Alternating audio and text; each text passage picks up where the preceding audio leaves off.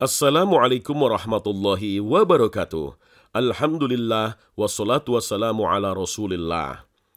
Sahabat khazanah, seluruh ayat dalam surat Al-Alaq tidak diturunkan secara utuh sekaligus. Beberapa ayat turun setelahnya dan terhalang dengan ayat-ayat lain dalam surat yang lain pula, sesuai dengan kehendak Allah. Kemudian Rasulullah Shallallahu Alaihi Wasallam memberi petunjuk kepada para penulis wahyu untuk menggabungkan ayat-ayat itu dalam satu surat. Lanjutan ayat dalam surat Al-Alaq, Allah Ta'ala berfirman, Kalla innal insana layatagha ar-ra'ahu Ketahuilah, sesungguhnya manusia benar-benar melampaui batas karena dia melihat dirinya serba cukup. Manusia itu adalah makhluk yang mempunyai tabiat dalam kesenangan, jahat, angkuh, dan melampaui batas apabila ia melihat dirinya telah berkecukupan dan banyak hartanya. Maka Allah memberinya peringatan. Inna ila rabbika ruj'a. Sesungguhnya hanya kepada Tuhanmu lah kembalimu. Al-Alaq ayat 8. Hanya kepada Allah lah kamu kembali dan berpulang.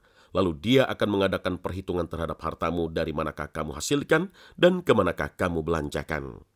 Ibnu Mas'ud pernah mengatakan bahwa ada dua orang yang haus dan tidak pernah merasa kenyang, yaitu orang yang berilmu dan orang yang memiliki harta, tetapi keduanya tidak sama. Adapun orang yang berilmu maka bertambahlah ridho Tuhan yang maha pemurah kepadanya. Adapun orang yang berharta maka dia makin tenggelam di dalam kesesatannya.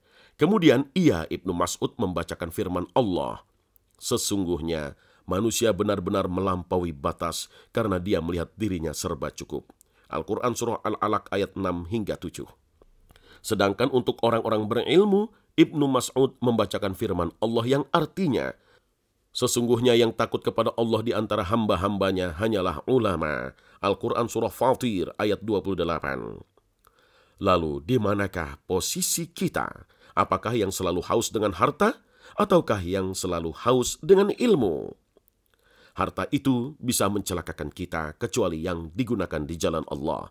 Sedangkan ilmu yang bermanfaat dan diamalkan, maka ilmu akan menolong kita di akhirat kelak.